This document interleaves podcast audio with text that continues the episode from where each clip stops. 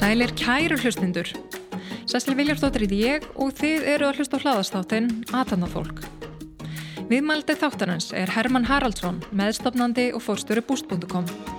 Boost.com er stærsta netvæsli Norrlandina sem selju vörur eins og tískufatnað, íþrótaföld, snirtifurur og heimilisbúnað. Herman er fættur árið 1966 og húlst upp í Reykjavík og Akureyri. Hann flutti 14 ára til Dammerkur í heimavæstaskóla, gekk í mentaskóla þar og háskóla og hefur búið þar síðan. Herman kláraði björnsprófi í viðskiptahagfræði frá viðskiptaháskólum í Kaupanhöf og master í viðskiptahagfræði frá sama skóla. Herman hefur unnið sem frangöndastöru OMD Nordic Byrtingahús sem eigandi á frangöndastöru Vinn-Vinn auðvilsingastónar og frangöndastöru Brönnby ef danska fókbaltaklubbsins sem listar er í Kaupöll. Herman stofnaði síðan Boost.com árið 2010 og veltir fyrirtækið nú um 6,5 miljardar sænskar króna eða um 85 miljardar íslenskar króna. Höfustöðar Boost.com er í Malmu og starfa um 1400 starfsmenn hjá fyrirtækinu alls í Kaupnöfn, Árósum, Vilinius og á Pólandi. Herman hefur einnig settið í ýmsum stjórnum meðal hans hjá Adform, sjómanstöðunni TV2 og fókbaltaleðsins Brönnby. En í dag fáum að heyra aðtanna Hermans. Sæl Herman og verðu hjertala velkomin í þáttinn. Takk fyrir. E, við hérna hjá aðtandafólki, við byrjum bara ofta á byrjuninni og hérna okkur langar nú að vita þó þú búir í Danmörku núna, hvað er þetta alveg upp? Ég sko, ég er alveg upp í, á Íslandi í, að með í Reykjavík fættur í Reykjavík og, atna, og svo atna, bjóð þar var ég sex ára, svo vorum við tvö ár í Þýskalandi með fóröldur mínu fóru Þísklands og við fórum alltaf með, vorum fjóri bræður og svo komum við tilbaka aftur og svo þegar var, ég held að það var 11 ára, þá fórum við, þá fljóttum við til Akureyrar þannig að bjóða Akureyri, sko, þannig þegar fólk spyr hvaðan ég er, þá segir ég er svona Reykjavík Akureyri svona bæði, sko, en, en, en ég var svo á Akureyri það, það, frá því að ég var 11 og, og svo þegar var 14 þá var ég sendur til Damaskur í skóla mm. Í heimastaskóla? Heimastaskóla, já, já Og hérna, hvernig er svona barn og úlingur varstu? Uh, ég var svolítið vildur uh, voða mikið svona það var alltaf að gera svo mikið sko, svona mikið, mikið en átti erft með að vera svona rólegur og kyrr og var alltaf eitthvað bara, það var bara, bara alltaf að gera eitthvað sko. Mm. og þarna ég, meni, ég byrjaði að bera út blöð því ég var hvað nýja ára held ég. Og hérna bæði bara úr blöð og, og seldi líka og svona sko var alltaf eitthvað þannig að það var alveg frábært að vera á Íslandi þá að því að maður var bara alltaf úti og bara kom heim bara mjög sýnt og það var bara mjög frjálst það var ekki afnægt Já, sko, akkurat. En hérna, þú hefur nú verið eitthvað smá vildur fyrst þú var sendur hérna, í heimastaskóla. Já, já, já, ég var hérna Já, því ég hérna, þegar við byggjum akkur þá hérna fannst fórlum mín og ég var aðeins og vildur og þau fannst það svona, þau, þau voru eitthvað að segja ég var svona ákveðlega gefin en að ég bara svona, er við mér er leittist í skólanum sko, þannig að það var áviltur og, og svo voru þið þarna í heimskon hjá skólastjórunum hjá, á þessum skóla sem er Herlusholm og þarna að því að, að því að kona hans það var frænganum ömmunar og þarna og það sko, saði skólastjórun við, við þarna fóröldri minn sko, sendið hann bara til okkar. Við skulum bara kenna hann um, við skulum svona aga hann sko, hann sko, þannig að það var ákveð að að senda mig þangað og ég var að vísu spurðu hvort ég myndi vilja fara þangað. Og ég sagði bara já, ég, akkur ekki? Og áttu bara alltaf að vera hann í eitt ár og hugsaðum mér, það er alltaf að vera í eitt ár þá getum við höfum prófað það sko. Hmm. Og uh, hvernig kunnur við þig hérna uh, á þessum nýja stað, það var 14 ára gaman Þetta var alltaf, þetta var mikil viðbröð því að til dæmis bara svona, svona gannist þegar ég kom að hérna sko.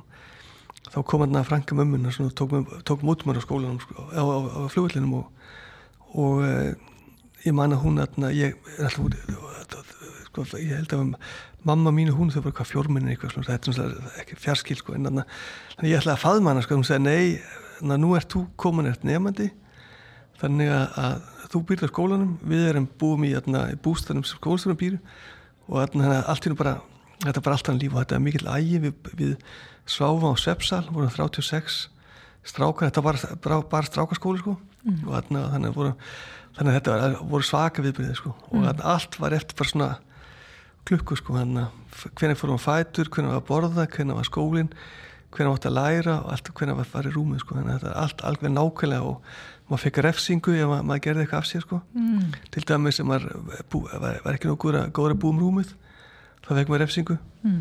þannig að, að, að ég lærði fljótt að aga sko Já.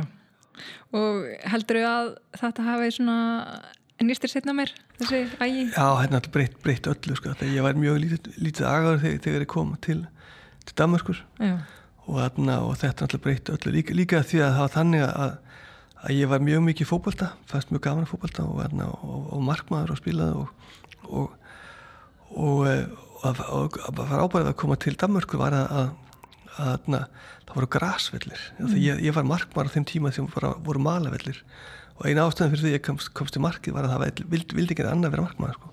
það var markmaður og svo til Danmörku það var alveg frábær sko. og svo böðst mér var, svo spurði hvort ég vildi spila með mjög góðu liðið Danmörku í bænu bara við liðin á og, atna, og þá atna, ég vildi alltaf gætna gera það og, og spurði í skóla og það var mjög erfitt að því að þetta, allt var svona eftir bara svona, hvað er þetta svona, svona mm, allt eftir bókinni eftir bókinni sko, þannig að það var ekki hægt að gera það sko, þannig að, að, að ég, til þess að fá leiði til þess að vera ekki að þessum tíma vera að læra eða, eða að borða kvöldmatt þá, þá gerir samning við svona e, varaskólastjóran sko, sem var mikill fókbalt áhumaður að, að ef það myndi ekki bytna á einhvernum þá þarna mætti ég spila sko. þannig að ég bara var, var að læra kenna sjálfum mér að, að, að vera mjög agaður og vera, mm. vera að læra þegar hínu voru að leika sér sko. þannig að, mm-hmm. að þar kom mjög mjög lægi bara frá því að ég kom, kom anga sko.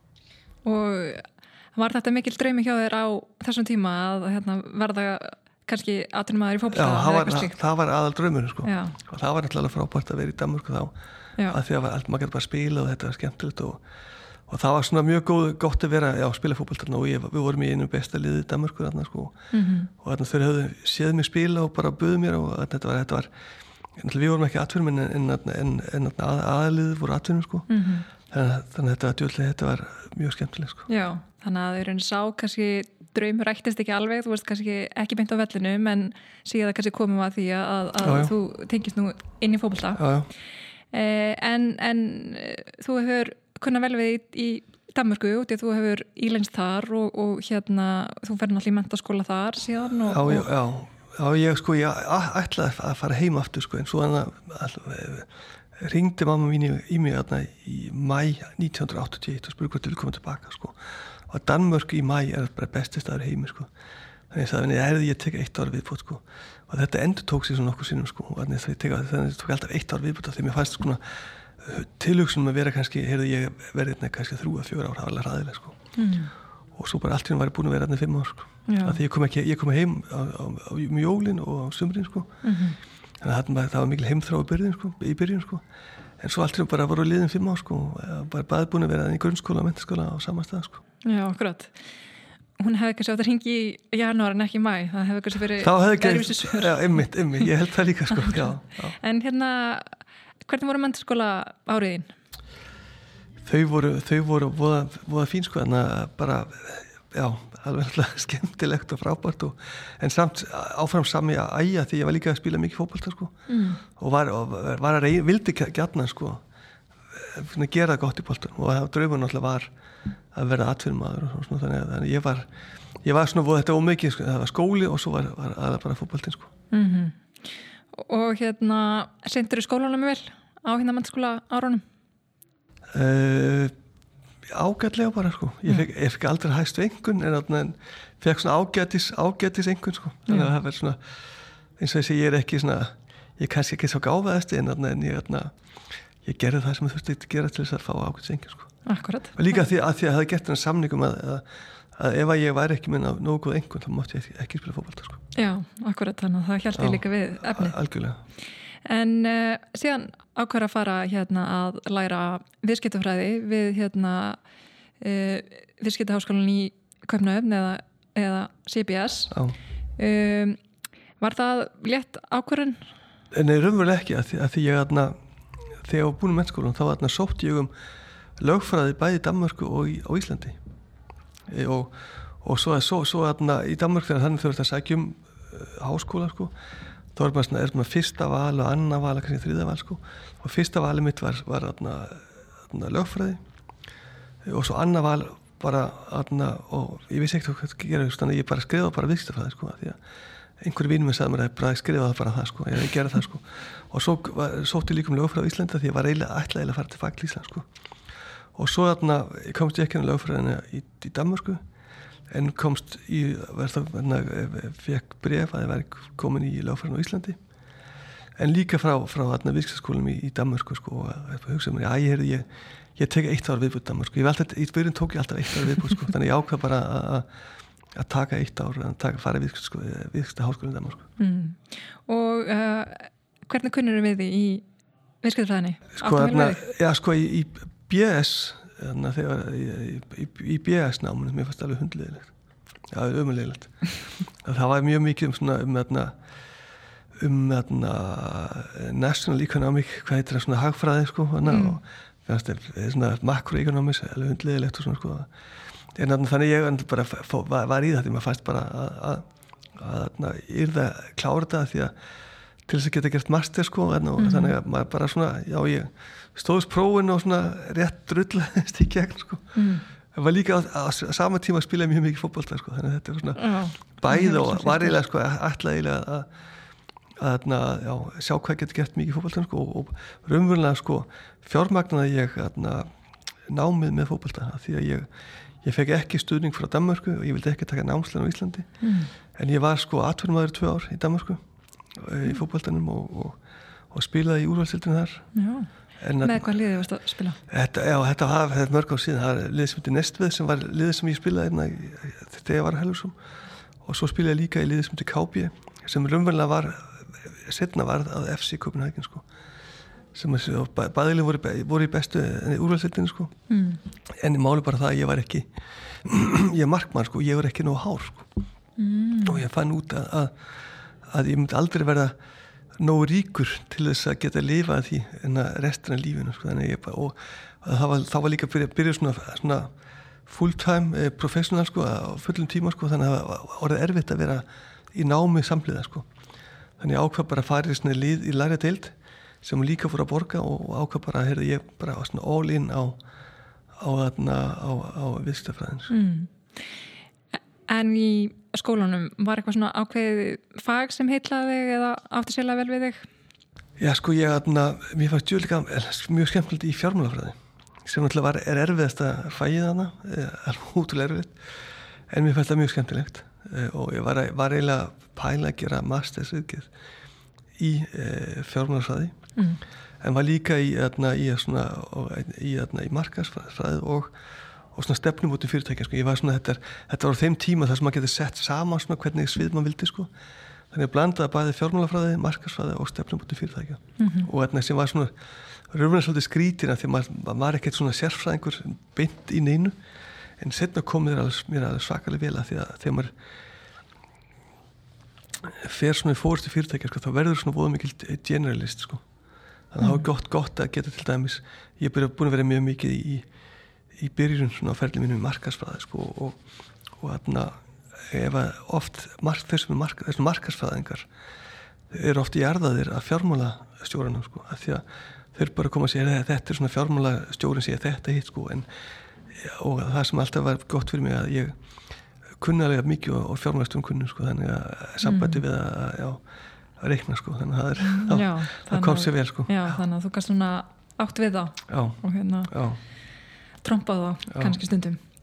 E, já og þú útskæðast úr hérna eirinni með master úr, úr samanskóla og hvað tekur svo næst við? Já það tekur verið raunverulega að ég var búin að fá vinnu í Englandi e, eftir skólan í, í, í, í í shipping hérna, og, og, og fluttu til Englands í ágúst 1990 og hérna var fluttu til London og tók kæristum með, með mér hún var uh, nýjórið tannleiknir og, og svo bara, og svo fekk ég bref frá, frá breskum yfirvöldum að ég ætti að fara frá Breitlanda þegar ég var ekki ennskur ríkisborgari nýja evrópskur ríkisborgari sko. það var á þeim tíma sem Íslendika voru ekki með samning við, við efnarsbandalegi sko.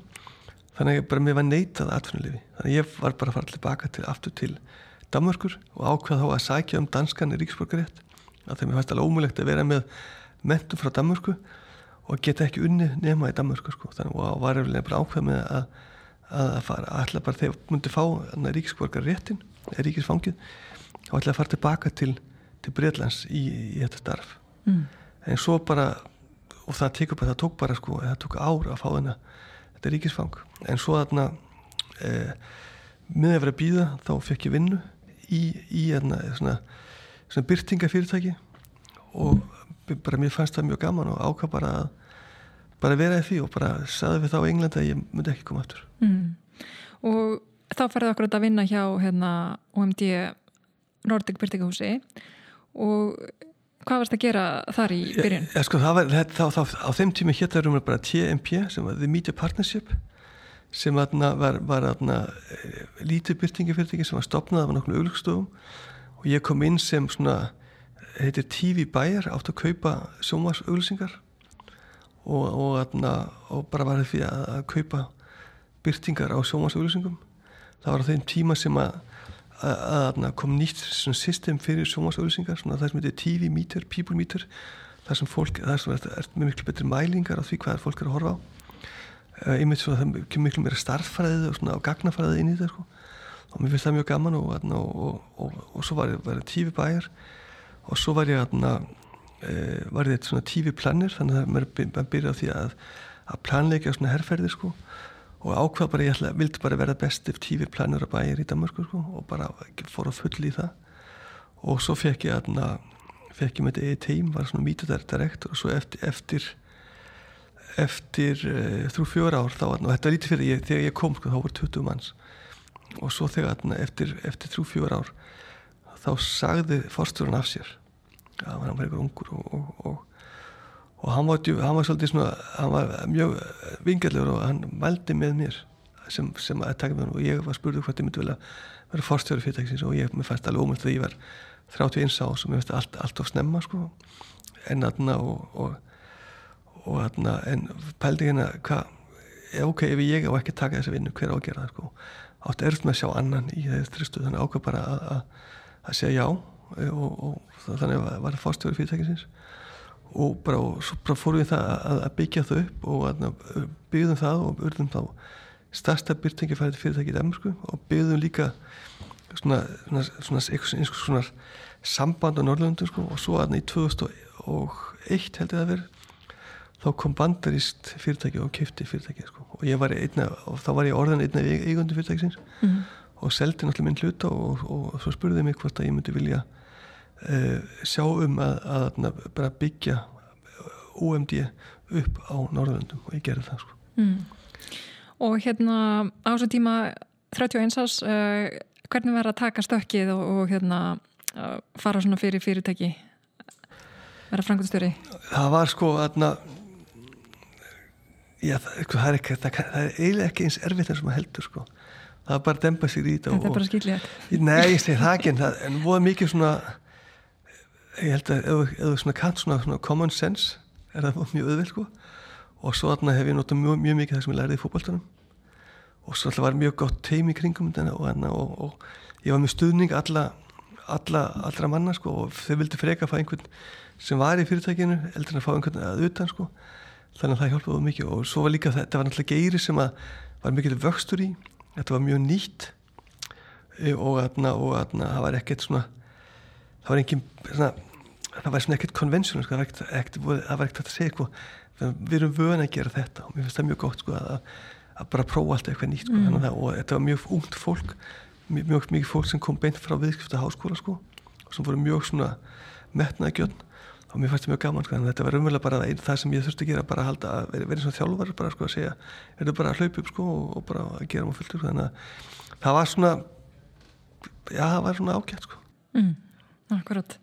Og, og þú varst þarna í nýju ár og, og, og hérna hvað var þetta orðið fjölmynd svona undir lókin uh, sko, rétt að hann það selt? ég, ég var að sko ég, ég var að uh,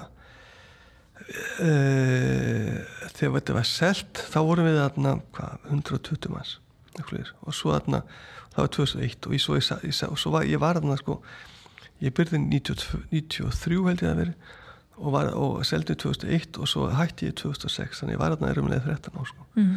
og aðna svo þegar lókinn aðna á Norðurlandum þá heldum við að vera kannski um 600 manns eitthvað sko. Já Og þá í rauninni, eftir að fyrirtæki var selt, þá tókst þú við í rauninni nýju starfi að einhverju leiti sem sagt já, já. með að, að, að hérna, stækka þetta fyrirtæki þá líka með ytri vexti og já, taka yfir uh, önnur byrtingahús á, á hérna í rauninni Norrlandunum. Já, við gerum það. Við keftum fyrirtæki í Svíþjóða, Nóri og Finnlandi mm. og byggjum það upp sko og mér fannst það mjög, mjög skemmtilegt að prófa að gera það og byggja svona, svona Nordic Network eins og maður segir sko.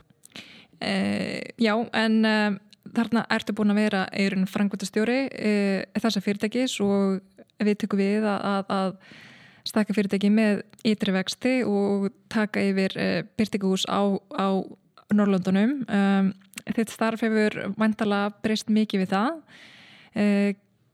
Getur sagt okkur svona hvernig það var og hvernig það reyndi öðruvísi á þig? Það var öðru þess að allt, allt þurftum að vinna miklu meira með svíjum og norðmönnum og finnum. Og þarna og, og þarna það breytti mikið en, en starf mitt breytist ekki það mikið að því ég er alltaf hef verið voð, voð mikið svona hands-on, verið mjög mikið að, að vinna sjálfu sko. Náttúrulega Íslandingu, við erum, vi erum vönd því að vera að vinna. Mm -hmm. ekkert, ekkert að láta aðra vinna of mikið fyrir okkur sko. Þannig að þetta var bara, og þetta var sama saga rumulega að, að að fá mikið vöxt og, og, og voru mjög, mikið að, að, í, svona, í samkjöfnum um að fá nýja kuna og það gekk gekk rámlega mjög vel sko. Þannig við erum bara, ég held að við hefum orðið stærsta, stærsta byrtingi fyrir tíki á, á Norrlöndum á þeim tíma sko. Já. og atna, þannig að, að að það var, var rúmulega ótrúlega skemmtilegt. Og, og, og líka þannig að, að yfirmæði minn, hann var yfirmæri Európu í London. Og hann var tjóðið góður að því að, að, að hann lit bara verið fríði sko. hann saði við mig sko að ég hef, hef svo mikið að gera þannig að ef, ef þarf ekkert að vera hugsa um Norrlund þá bara er það fínt mm -hmm. þannig að hann bara, bara ef ég bara svona, sér, skila hagnaði og gekk vel þá vorum við saman þannig að ég hef mm -hmm. mjög mikið sko aðna, frelsi sem er mjög mikilvægt fyrir mig sko mm -hmm.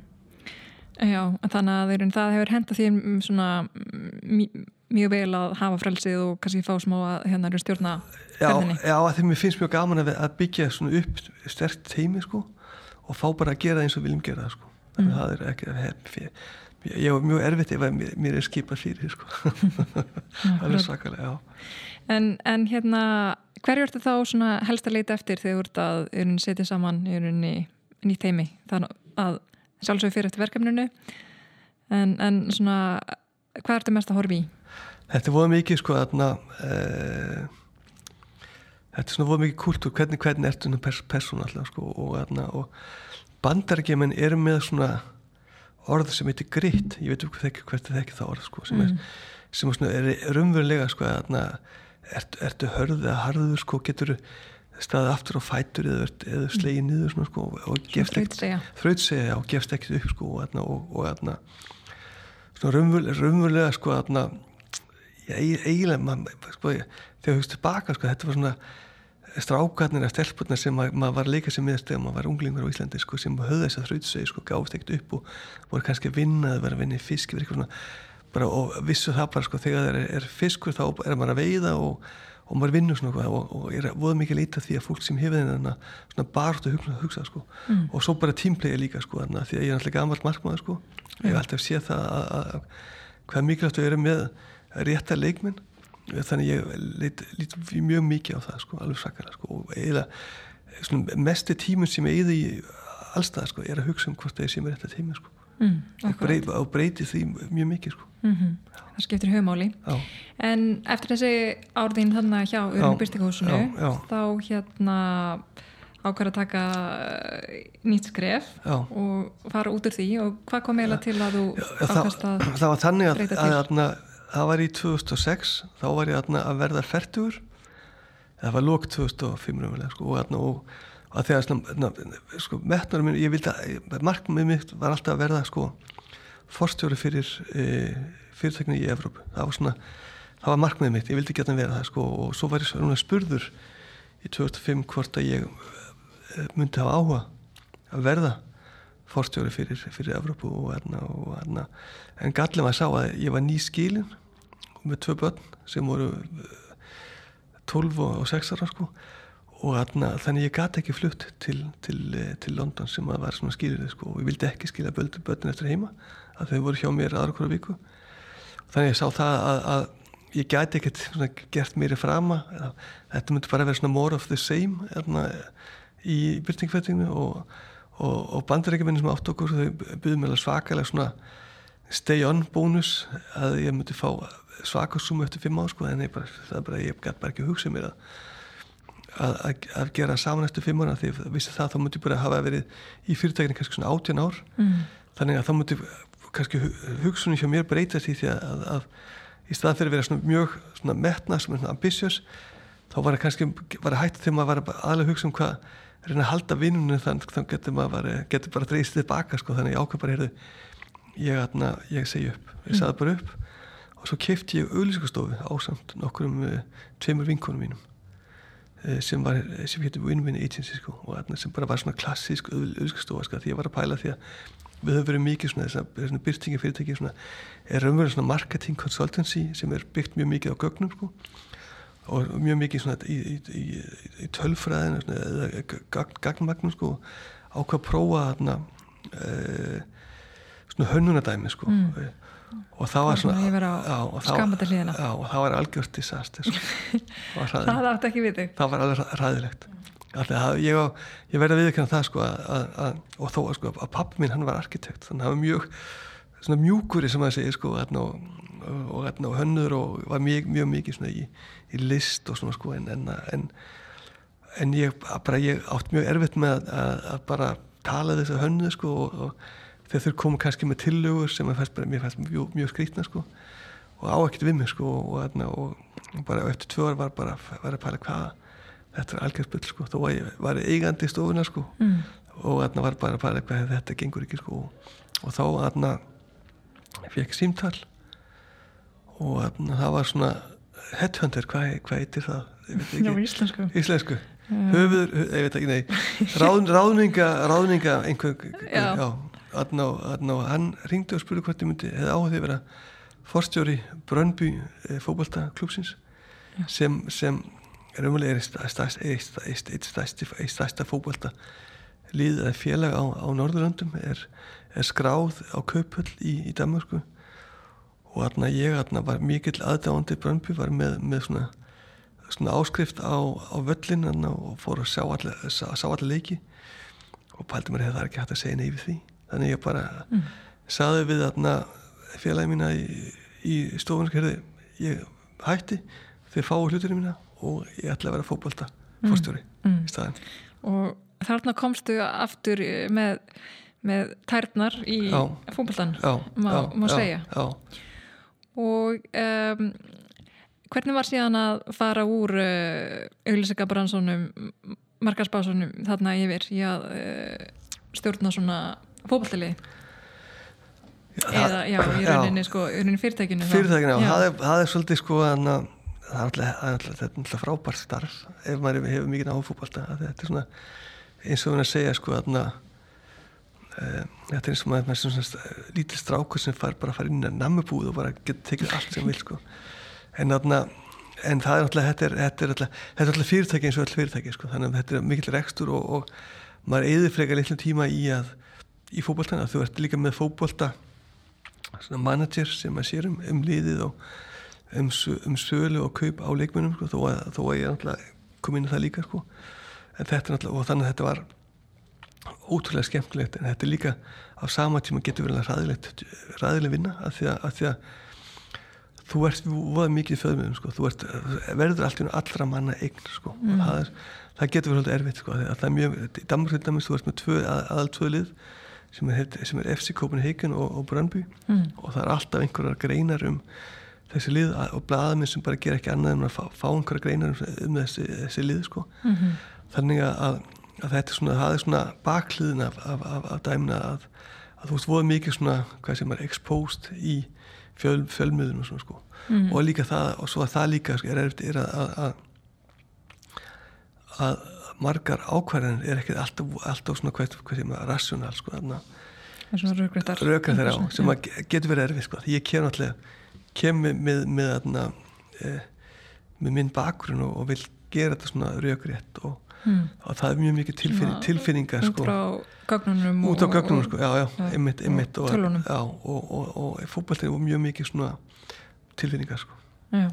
þannig að, að, að, og það var það að ég hafi tekið við starfinu af manni sem sittna var, var stjórnarformaður sko, þannig að hann fór, var stjórnarformaður mm. ég var forstjóru og svo bara eftir eitt og allt á sko, þá bara okkur kom ekki saman sko, þeir voru mjög, mjög ósamanna um, um, um hvað ætti að ske mm. sonur hans var það sem heitir sporting director sem sá, sá um um fókbaltiliðin sko, og, og hann var bara alveg vonus sko.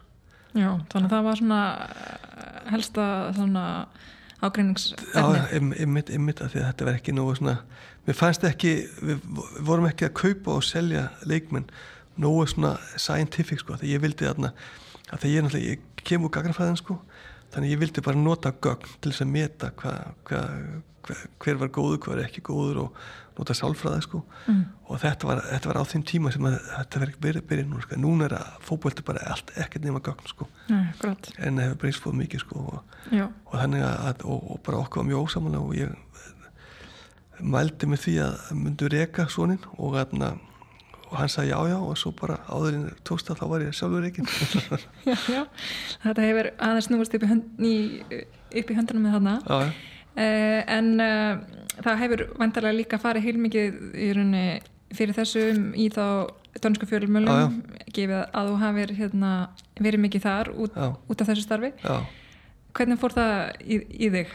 Þetta út um allt, ég man að, að, að þann dag sem þetta var umbert þá voru þrjár sjómastöðar sem bara voru fyrir framann húsið mitt vildi fá viðtal sko, og, og, og þetta var komið og, og sónu minn, hann heyrði útvarpinu áður en ég hafði náðu að tala við hann sko.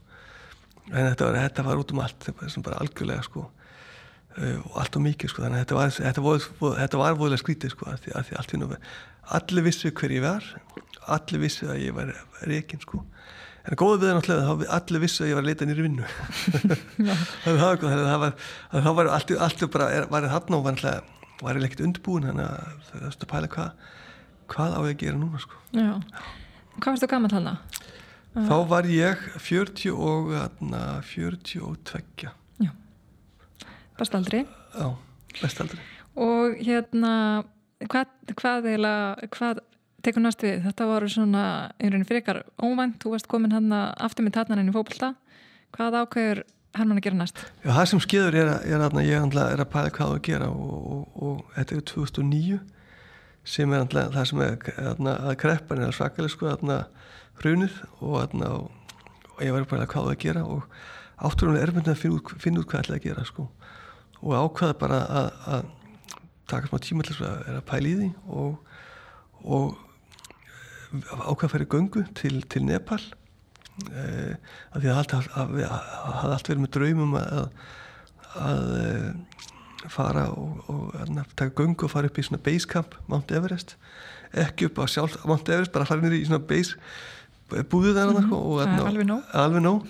Og, atna, og, og þetta er svona þryggjökna ferð og fór þarna og miðan var að lappa sko, maður, hefur nógun tíma alveg pæla þá svona var svona nokkur skýrt hvað þarna hvað ég ætlaði að gera sko, og ákvað bara heyrðu, og ég spurði sjálf mér hvena fannst mér skemmtilegast á atvinniferlinum og það var rummilega þegar ég tók við fórstjórastöðunni í byrtingafært fyrirtækjum TMP að því að þá aðna, þetta var lítið lið mjög metnaðgjarn og aðna ég var hlutafi og, og var mikill vöxtur. Þannig ég ákvað bara sjálf mér heyrðu ég ætla að reyna að komast að litlu fyrirtæki þar sem ég get orðið meðeigandi og svo síðasta hlutur var það að þetta verði að vera líka í svona stafræna geiranum að því að, því að ég hafði hef mjög lítið vita á því.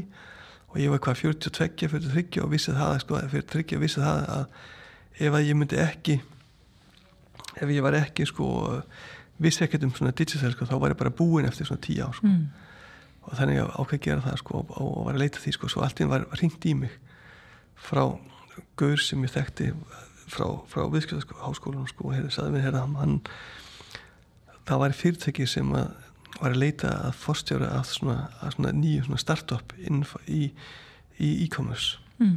e, sem hétt BCTT fasin sko og, og atna, þetta, var, þetta var lítið fyrirtæki og sem var inn í tískugerunum líka e-commerce og þekkin og ég sagði henni ég veit ekkert um tísku, ekkert um e-commerce hann segi við mig á en atna, það vil enginn fóti við þessu vinnu og atna, við verðum búin að spurja átta sem að segja nei og atna, vorum við með fórstjóra sem segja nei og þannig að þú er svona bara svona dark horse viltu, viltu, viltu hitta svona, svona, svona venture fyrirtæki sem að, sem að na, hefur fjárfært það er áður, lemur að tala það það var maður sem með því og, og kom vel saman og hann segi búið hvort ég vildi ekki taka það fyrirtækinu og, og ég geti árið hlutegandi og hlutæði og, og ég það, jú, ég gerði það. Og byrjaði fyrirtækinu og það sem var, var það sem var svona business idea var að, að, að byggja og reka vefverslanir fyrir tískufyrirtæki þannig að við áttum ekki eiga það en áttum bara að reka það sko og vera með svona lítið teimi í Mölmu í Svíþjóð og hafa allt svona outsourced eða hvað sem heitir sko mm. og þannig að þú varst með þarna, það sem heitir svona frontend sem er sjálfbúðin það var í Vietnam og, og backend sem er svona allt fyrir backend það var í Indlandi og mark, markasetning var líka hjá fyrirtæki og lagarinn var hjá öðru fyrirtæki og, mm. og, og atna, við, svona customer service og líka sko og það var svona vikstu hugmynd svona verið, mjög svona cash light. Mm -hmm. og, og þau eru ekki að samning við bestseller sem er stærsta tísku fyrirtæki Danmarku sko og um að, um að byggja og reyka alla þeirra vefæslanir í Evropu sem er mjög stór samningu sko. Mm -hmm og það var fimm óra samningu sko og það og, og, og þannig að þetta er leitt vil út sko en það, það kom í ljós bara þetta var, það var ekkert fyrir þig, þetta var bara powerpoint uh, kynningir umverðilega sko og, já, já. þarna var þetta bara örlítið teimi og eins þú komst inn á hana áðan og, og náttúrulega mjög svona ævintilegt að fá þessa hulimann í, í Nepal af öllum stöðum. Uh, svona að, að, að, að hérna þá hefur eins, eins og saðar áðan er henni viljað komast í svona starf þar sem var mikil uppbygging rauninni framöndan og uh, já og þarna hérna og þetta fyrirtæki hérna sem þú byrjaði hérna hjá uh, BT BSTT sem verður síðan í rauninni boost.com boost sem við þekkjum nú vil í dag í rauninni við Íslandingar og er náttúrulega núna einn starsta netverslun hérna Norrlandana og það er svona áhört að heyra að, að akkurat á þessu tíma þegar þetta er unni pinguleiti teimi þá hefur hefur uppræðal hugmyndin verið svo að, að þið ættið að reyka vefverslun fyrir aðra en ekki einhver eigin vefverslun sem er náttúrulega kannski það sem þið auðvitað gerst í dag. Uh, en hérna segðu okkur nú aðeins frá svona uh, þessu fyrstu árum. Og er þarna tekur rauninni ákveðnum að fara þarna inn rauninni mjög snemma. Já, já. hver var svona eins og segir raunin staðan þú ferð inn og, og hérna hvað er það sást í þessu? Málið var, það að, að það var eiginlega ekkert fyrirtæki, fyrirtæki sko, og, og, og við áttum að vera með, með stóðströðum áttum að vera mjög positív sko, og áttum að vera með fullt af pening loka ásins en svo í jún, ég byrjaði, byrjaði þarna í februar í júni þá ringdi fjármægastur í mig og saði, heyrðu við erum bara, eigum ekki fyrir mér pening getum ekki borgað. Og við áttum að vera með fullta pening sko, þannig að ég spyr hvað, hvað er að? Það sér bara að það var eitthvað einhver villa í, í Excel e, og þannig að bránt sko, þannig að, að, að, að við þurftum að fara og fá bara lána pening og svo í oktober þá þarna e, tilkynnti bestseller að þau vildi segja upp samningi og þeir, þeir voru fyrirtækið. Þannig að við það voru tveir kostir annarkvort að bara loka fyrirtækinu eða að bara byrja upp að nýtt. Og mér tókst að sannfara áhættu enna fyrirtæki sko, að, að, að bara byrja upp að nýtt. E, og, og aðna e, alveg nýtt heimi byggja okkar eigið e, bæði okkar eigin e, hugbúnað, okkar eigin verslun taka allt tilbaka frá Innlandi og frá Vietnam rá, erna, ráða okkar eigin developers og aðna bara byrja upp að nýtt sko, og, og, og búa bara til svona tísku vestlun á netinu sem var raunverulega alveg fárunlegt og það er líka alveg fárunlegt að þeir skuldi hafa sagt já að því að, að því ég vissi ekkert um tísku og, og ekki nýtt og svo bara á, sagði bara við þegar ég ræð annað fólk og, og gallið maður sá að við vorum í, í Svíþjóð. Það var engi svíjar sem vildi vinna með okkur af því að þetta var náttúrulega íslensku dani sem var yfirmar fyrirtækið að leita ítl út af því að við áttum engan pening þannig að ringdi bara rumlega í gamla víni sko. gamla vinnufélagi og gamla víni eitt var gamla skólafélagi hínu voru bara gamla vinnufélagar. Og það sagði við, þetta, við erum allir var, var að gera þetta. Uh, erum þessum greið, þetta er, er e-commerce sem er mikil sens getum vaksið mikið.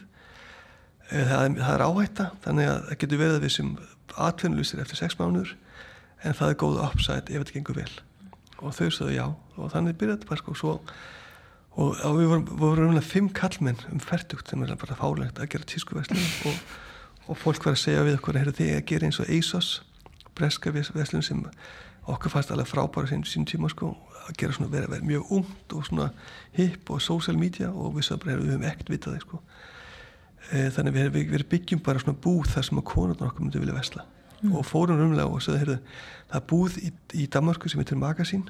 Margir íslendingi ekki það mm, og það er á Kongs Nýtorf sem er aðalveslinu sko við sögum bara, heyrðu við skulum bara gera svona kópi af Magasín Kongs Nýtorf á netinu þannig að það var umlega vikstu hugmyndir sko. þannig að þetta verði ekkert fóðast grand vision sko. það var bara hugmyndir sko. var, og Jón Björnsson var forstjóður það á þeim tíma í, í Magasín en við ákveðum bara að gera það og, og byggja okkur einn búð og, og, og bara hættum öllu skömmlu og bara byrjuðum upp á nýtt og, og e, opnum búsorkom í ágúst 2011 með tíu vörmörkjum sem var alveg hlægir sko. þetta er alveg og, og þarna þetta er, þetta er ótrúlegt að fjárfæðin skildi hafa stu, stu, stu, staða bak við okkur en það sáði líka eftir, mjög mikið eftir því næstu árin sko. Já, en eitthvað hefur nú verið í þessu og hérna, en þegar þess að uh, lansið á síðuna þarna, 2011, hverjar eru viðtökunar? Já, viðtökunar er voða svona, svona mísjafna sko, að, að því að, að, að erum kannski með tíu vörumerki og og þarna er að reyna að fá einu vörumerki og líka hérna, byrgarnir eða tískufyrirtekin voru svona í vafum hvað þarna hvað eigum að vera á þessum, þessari við verslun sko. en svona við fengum hægt og sígandi ný vörumerki og svo þarna eh, skiljaðu það að, að, að ég held að það veri í tólf þá hættir Jón Björnsson í magasín í Danmarku og ákveður að flytja tilbaka til Íslands. Og mér tókst að sannfara hann um að og ég þekkti Jón aðeins að því að er svona íslendikar í, í köpunum sko og mm. mér tókst að sannfara hann um að koma í stjórnuna hjá okkur. Eh, og hann saði já. Og, og, og svo byrjaði hann bara á því að vera að kenna okkur hvernig á að reyka tískuverslun. Mm. það hefði ekkert vitaði sko og saði svo, svo þegar hann eftir skifst upp á því sagði, þetta er vonlist, þú verður að ráða einhvern sem kann þetta sko. Og benti bara á svona besta fólkið frá magasín segir þú að ráða þennan og þennan, þennan. Þannig við tókum það fólk inn og, og þá atna, byrjum líka að fá svona nývörumerki sko. Og þannig við ákveðum við það því að við, við vorum, sko, vorum þrýr sem verið að vinna í byrtingferðtekinu sko sem verið mjög góður í, í markasitja sko og, og, og sá sem verið CTO hjá okkur sko, tæknistjóður sko hann var gamal hjá e, var, að vinna hjá fyrirtækjum sem heitir Net, Company sem er eitt framastu fyrirtæki í, bara Norrlandveldi í, í hugbúna dæmi sko. Og svo aðna sá sem var eh, Chief Supply Chain Officer hvað er það svona hann, hann hafði verið Chief Operating Officer hjá SAS og hafði verið með mér í, í, í, í heimaskólinum og, og, mjög, og hann sagði byggðu bara besta supply chain á Norrlandur sko. og þannig að við ákveðum bara að gerum allt þannig basics, við sjáum það og þá þurfum bara að fá fólk sem kann tískveit dæmi sko. þannig að við byrjum svona voðalega svona yfirleitt þegar fólk byrjar til dæmis hefur verið að byrja þessum dæmi sko.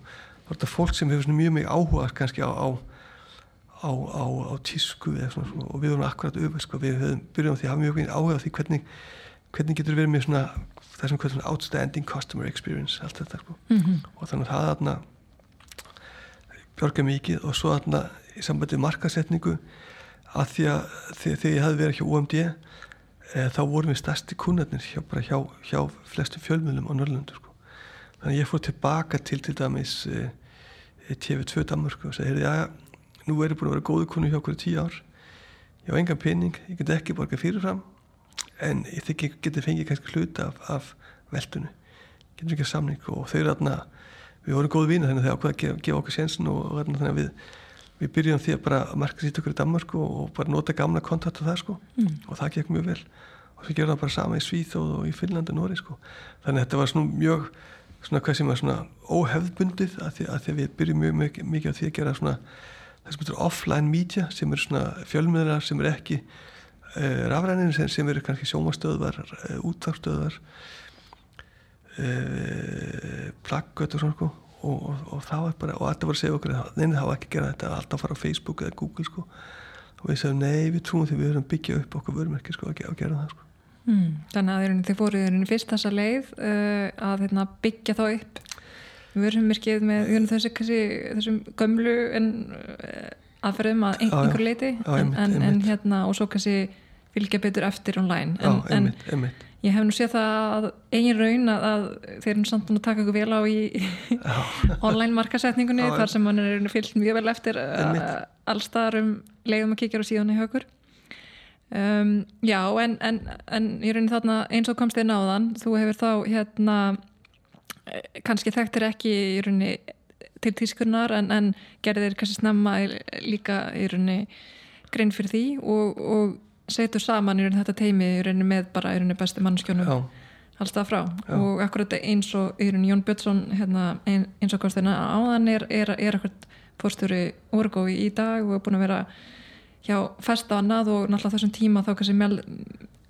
með þessa heilmiklu hérna, uh, reynslu í Einmitt. retail já. kannski sem ykkur vant á þessum tíma uh, en já því hérna lönsu síðan hérna er henni 2011 en, en síðan á, á og, og þetta svona byrjar hægt og, og akkurat þú komst inn að áðan að hérna, fjárfæstar voru svona óryggir þarna já, já, kannski fyrstu árin. En um, hvernig fyrir þetta að snúa svona aðeins við hjá okkur? Þetta var hann sko í, svona, tó, í, í 12, 13 og 14 þetta var mikil, bast, mikil bastningur sko, og basli og bara berjast mikið sko, mikið tap.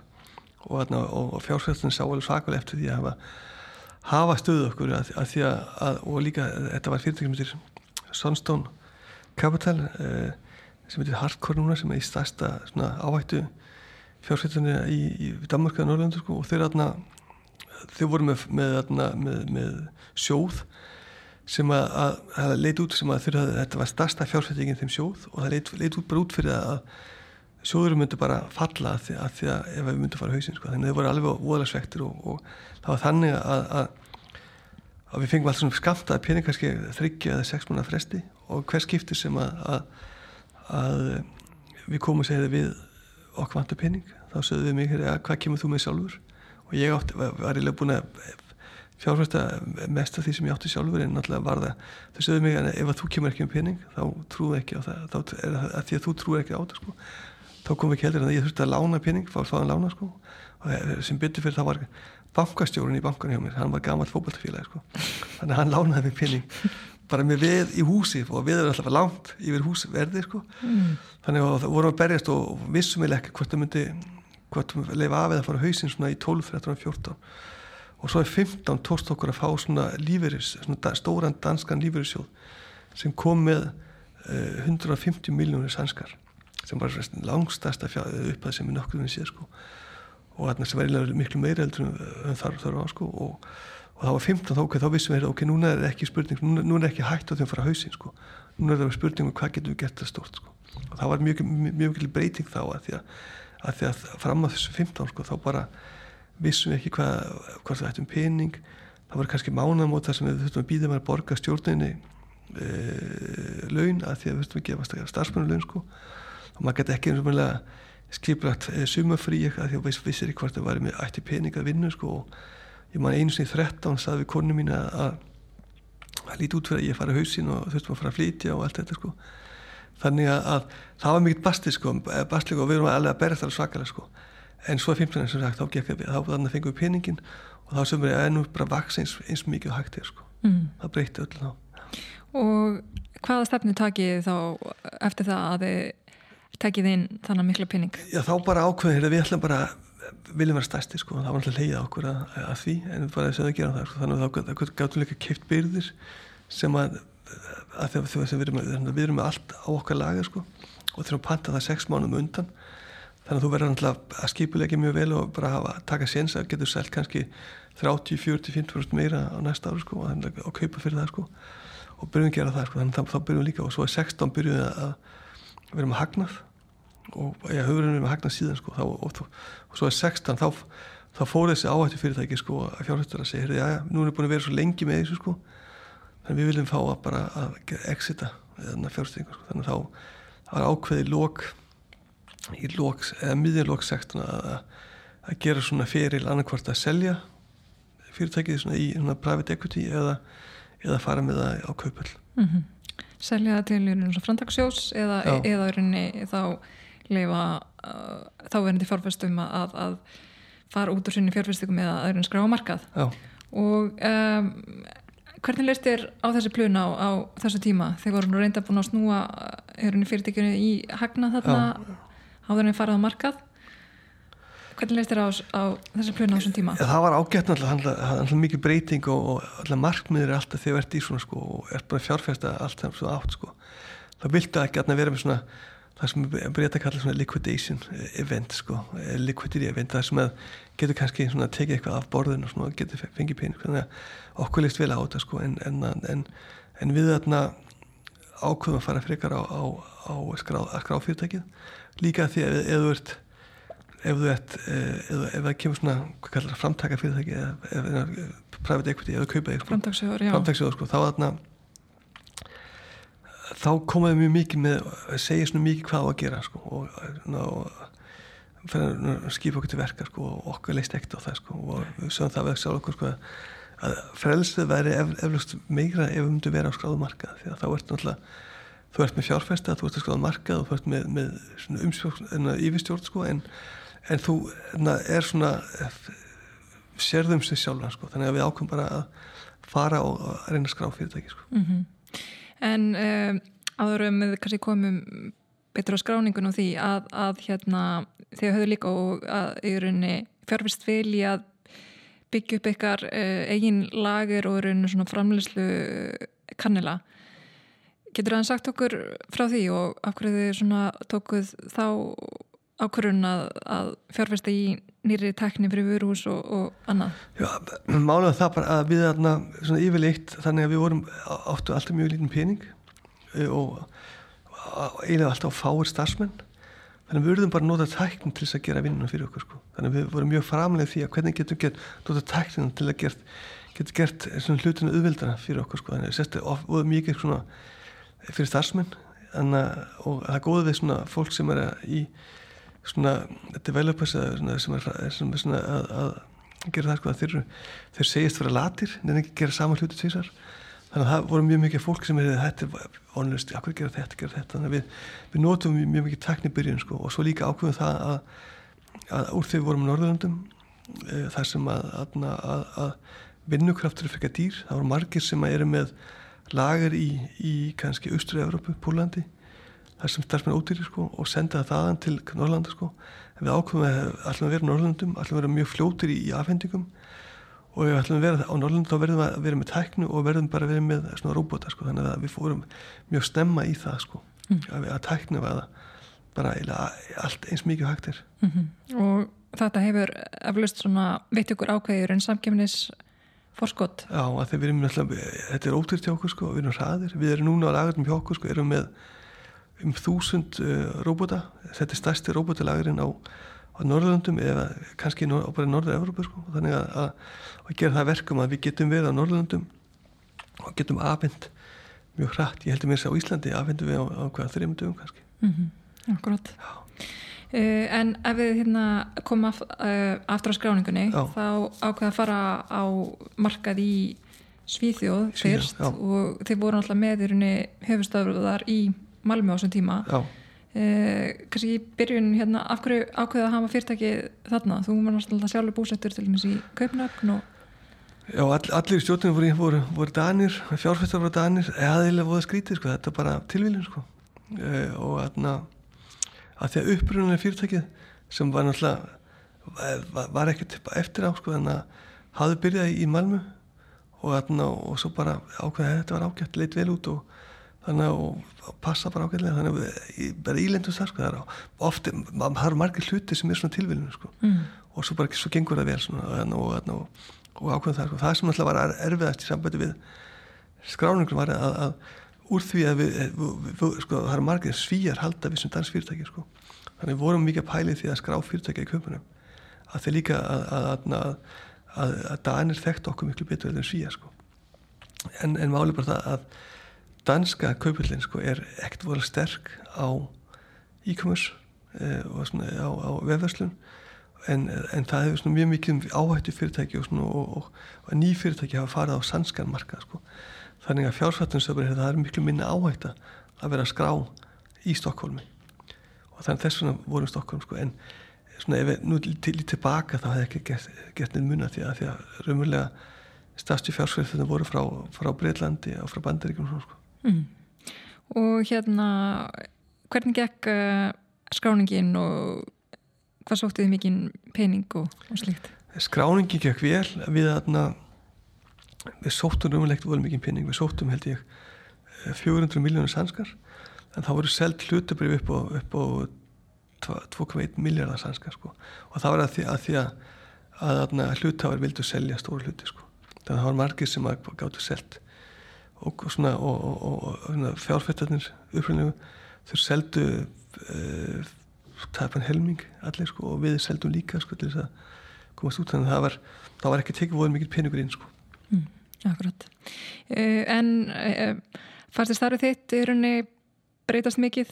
Uh, núna var stórnarinn í rauninni fórstöri hérna fyrirtækis á, á, á kaupöll Já það eina sko, já, sko bæði og raunverulega sko að því að, því að starfið sjálf breytist ekkert. Þannig að kemur alltaf viðbóti að því að allt í enn ertu á kaupöll þú ert með, með fjórðusreikninga sem þetta er ofnbera þú ert að tala í fjárfesta, við förum alltaf á svona þryggjamána fresti á svona roadshow þar sem við hittum fjárfesta. Römmulega út um allan heimsku, bæði í Danmarku, Svíþjóð, Nóri Englandi, Fraklandi, Þísklandi, Bandaríkjum. Og það er breytingin sko. Og svo er líka það að, að maður verður að passa sig hvað maður segir sko. Áður fyrir að maður verður mjög mikið svona sett svona, svona, svona, stóra vision sko, við ætlum að gera þetta og þetta er takmarkið alltaf sko. Og maður getur ekki gert það sko. mér, mér, mér verður alltaf fundist mjög gaman að, að mjög, mjög stíla mjög hátt og vita það er kannski erfitt að ná það sko. Að þegar veit það ef maður, ef maður stílar hátt þá hlaupa það eins aður og, maður kannski nær til næstu en þá er samt svona hátt, ná hátt og það er svolítið erfitt að gera sem skráð fyrirtækja því því að það sem verður að gera sem heitir guidance.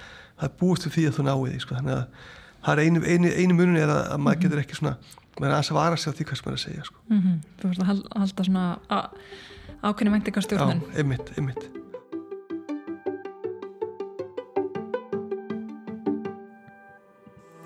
Ég ger hér stuttlið til að færa ykkur skilabóð frá kostunadala þáttarins Viltu bóka flug með Æslandir en finnur ekki áfengarstaðan sem ert að leitað í leiðakjörunu?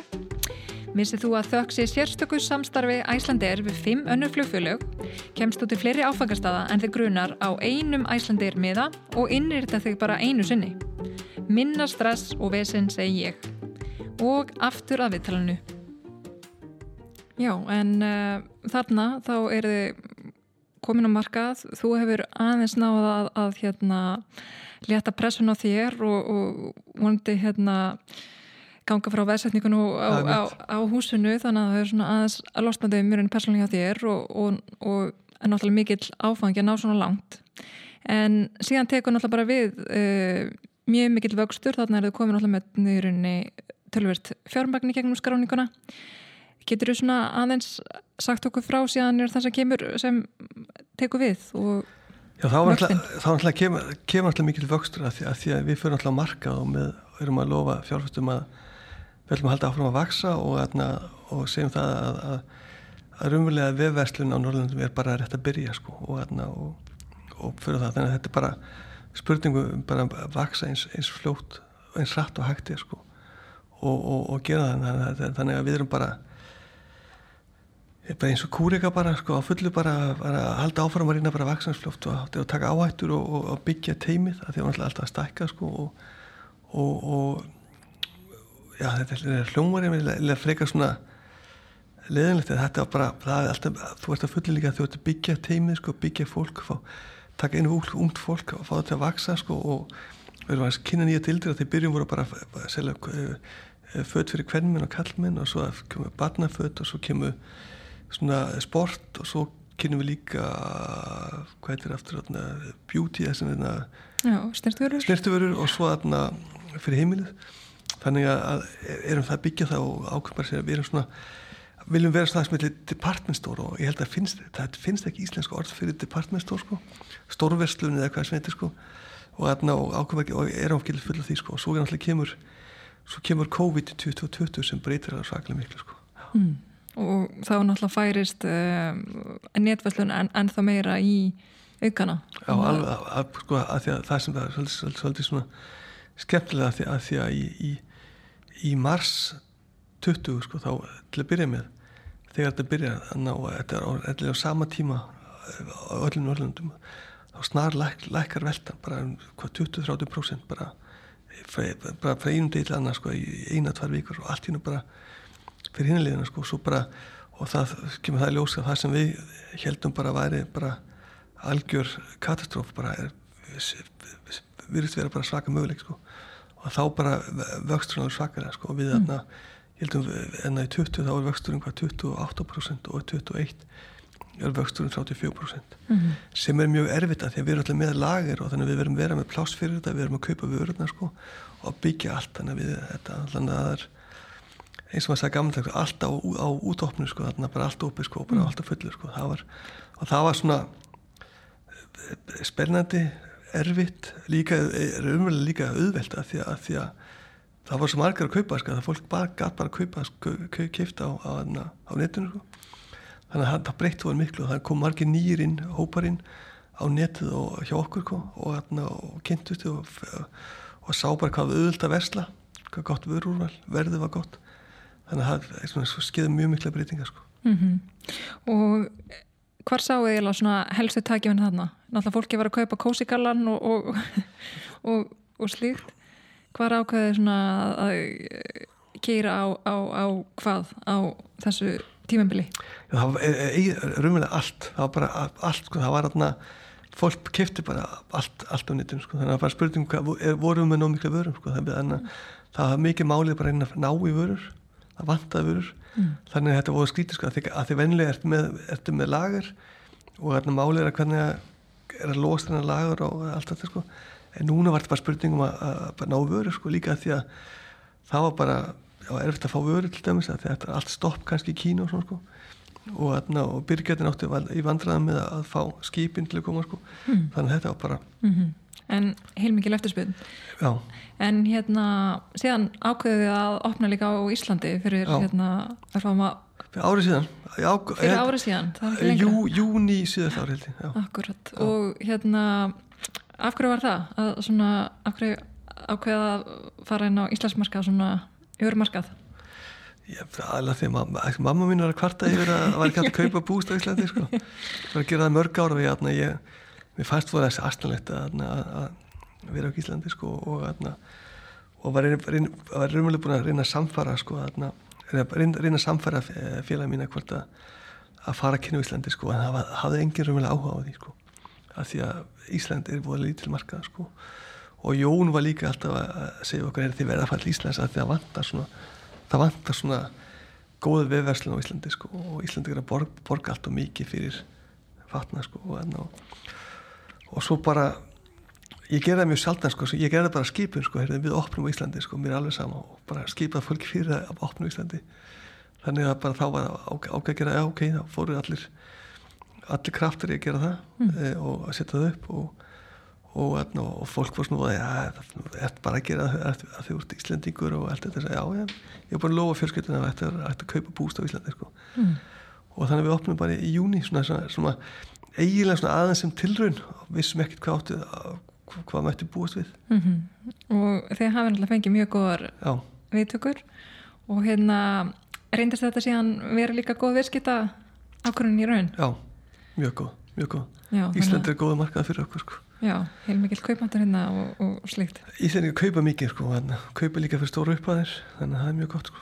Já, við, við erum taldið þekkt verið að kaupa hljóð þannig var þannig Já, sko, það, sem, það var eitt sem sagði við mig sem ég rumlega tók, vissi ekki sko, hann, hann sagði mér Íslandingar að vana því þegar það var til útlanda sko, að, að eigða kannski einum eða tveimu dögum fríinu í að vesla þess að núna þarf maður ekkert að gera það lengur sko, því nú getur það kvengið það hjá búst og svo bara getur verið frí í fríinu sko. mm -hmm. það er, já ok, það getur verið kannski eitthvað rétt í því sko. Akkurát og hérna, og segja líka kannski bara þannig að það komi fram að, að hérna, þá er rauninni, er þið líka skráður í, í hérna, dönsku kaupillana og hérna fóru setna inn, inn, inn þar.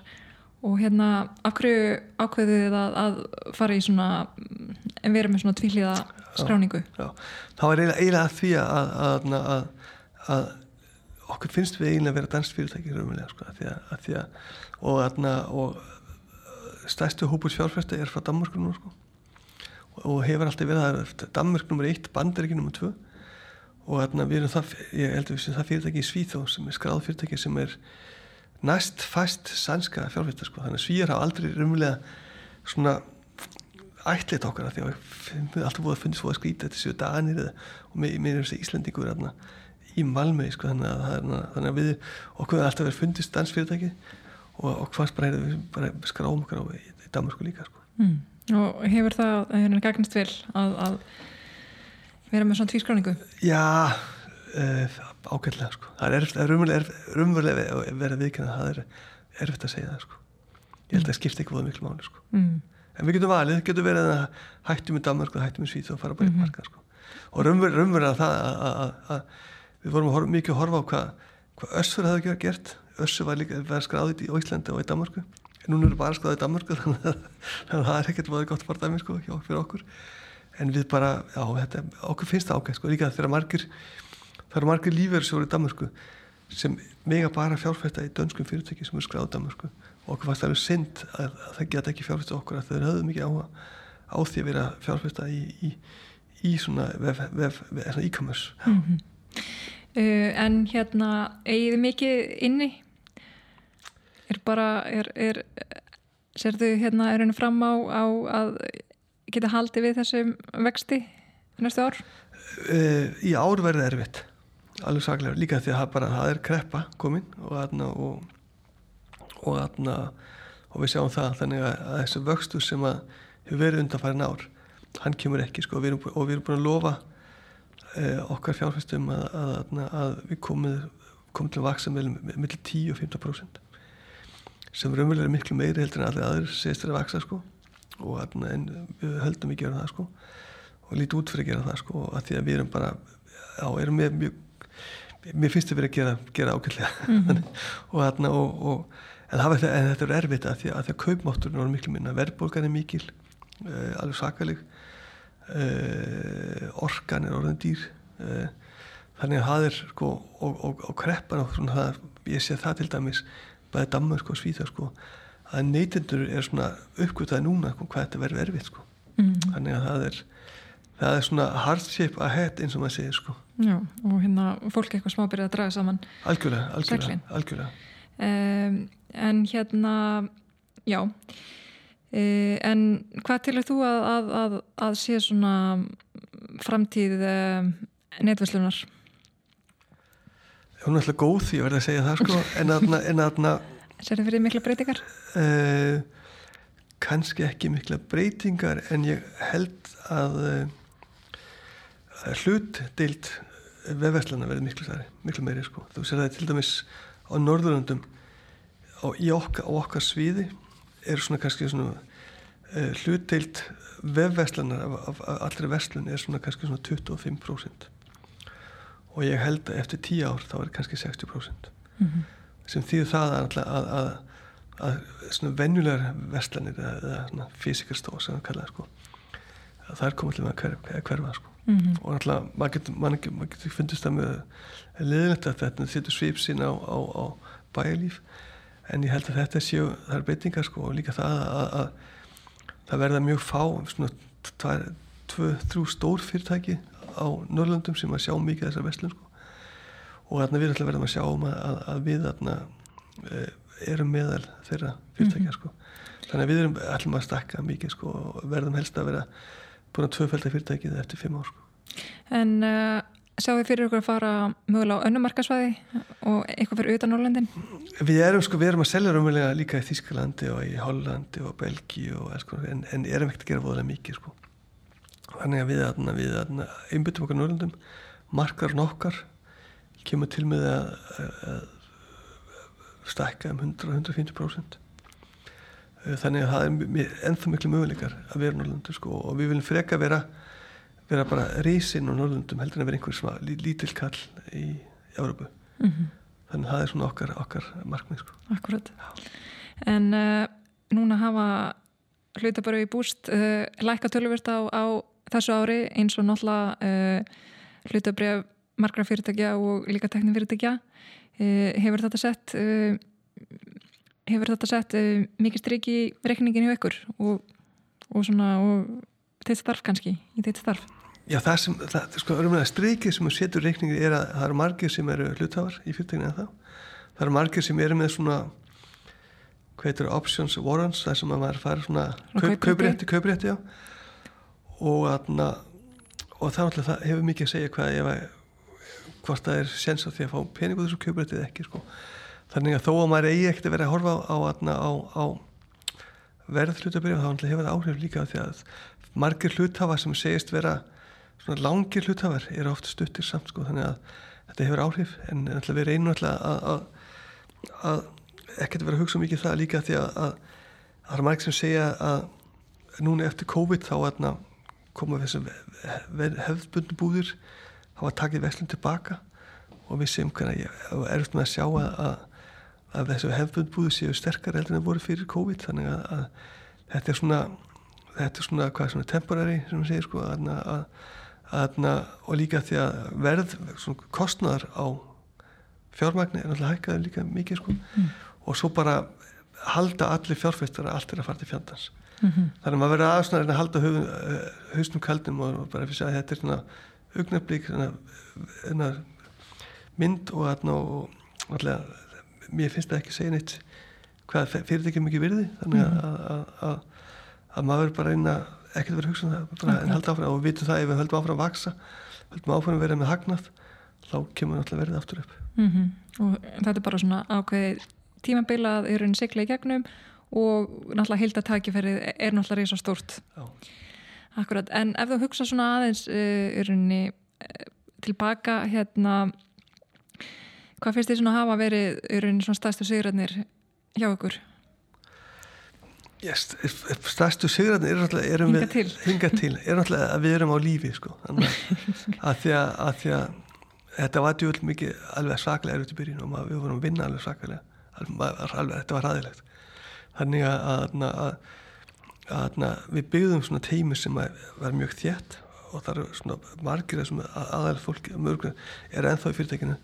Þannig að við erum mjög góði þegar að koma svona kræsis þá erum við mjög góð saman sko. Þannig að það er náttúrulega mikið þegar við fengum fyrstu fjárfæstingu 15 alveg svaka mikið svo þegar fórum á kaupull að því að þá búin lífið breytist. Ég, maður verður við ekki að það sko allt í hennu hefur maður engar fjárhagslega áhugur lengur sko og, og og ég verða víkjana þó maður ekki segja sko, að, að, að ég eins og aðeins margir aðeins náttúrulega takmarkið er alltaf að geta gert vera fjármálega óháður sko. og náttúrulega í mæ 17 þegar að, að við erum skráðir og allt í húnu bara erum, fáum, við fáum pening og erum þá breyt breytist líf alveg svakalega þá er þetta ekki, ekki lengi með fjármálega áhyggjur og ég man að að að, að ég, ég hef verið á svona, það sem heitir roadshow það sem er að reyna að selja hlutabyrjun sko, 14 dagun áður en sjálf skráningi byrjaði og var bara um, um allan heim og, og, og kom og flög inn frá, frá Sviss inn til Stokkons um kvöldið, um nóttina næsta morgun, ringi bara bjöllinni og svo fór þetta heim í Danmarkur og, og ég hef búin að bjóða konu minn á tónleika hjá Depeche Mode og saði við henni að ég var svo þreytur að, að, að hvort þú getur ekki tekið vinkonsinni á tónleika hún fór tónleikana og ég tók dóttu mína yngstu og fóru bara inn á höfnum við búum rétti á höfninu sko og fengum okkar ís og ég, man, ég satt þar og horfði bara yfir hafið og pælið heyrði þetta er þarna var lífið að breytast og það breytist náttúrulega þannig að voða, og þetta að skrítið sko, maður, það er eftir að lýsa þessu að því að, því að þetta er svo mikið breyting sko. mm.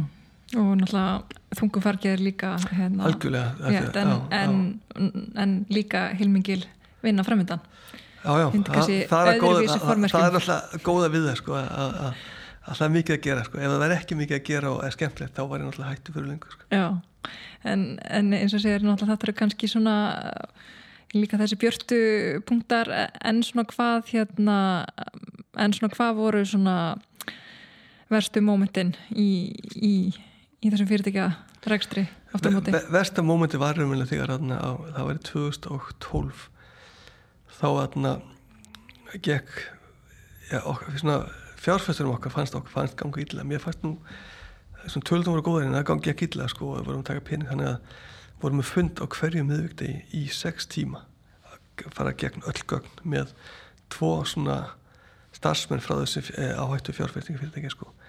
Og við vorum að gera það í fjóra mánuð það var ræðilegt, það er alveg umhverlegt maður er bara aðri og, og ég man það sko að svo saði við það bara eftir, eftir þess að sex, fjóra mánuð sko annarkvort treystuð okkur eða lokaðum þess að við bara getum þetta ekki sko og sem betur við að segja ok, við treystum ykkur og þá fengjum við frelsi sko. það var svona, mm. svona lágpunkturinn bara alveg þá var ég mjög nála til bara að gefast upp sko. en ég gefst rúmulega aldrei upp en, en það var mjög nála til sko. mm -hmm. Þannig að þetta var eiginlega eins á helstipunktur það er alltaf eitthvað vesen með þessa fjárfesta Maður skilja alltaf vel Nei, nei, já, þetta ég var grænast um, Já, en um, svona aðeins að kannski er einu svona persónur hérna nótum svona Hvernig hefur það gengið að hérna, samena svona persónlegt uh, líf og fjölskyldilíf við svona mikla vinnu?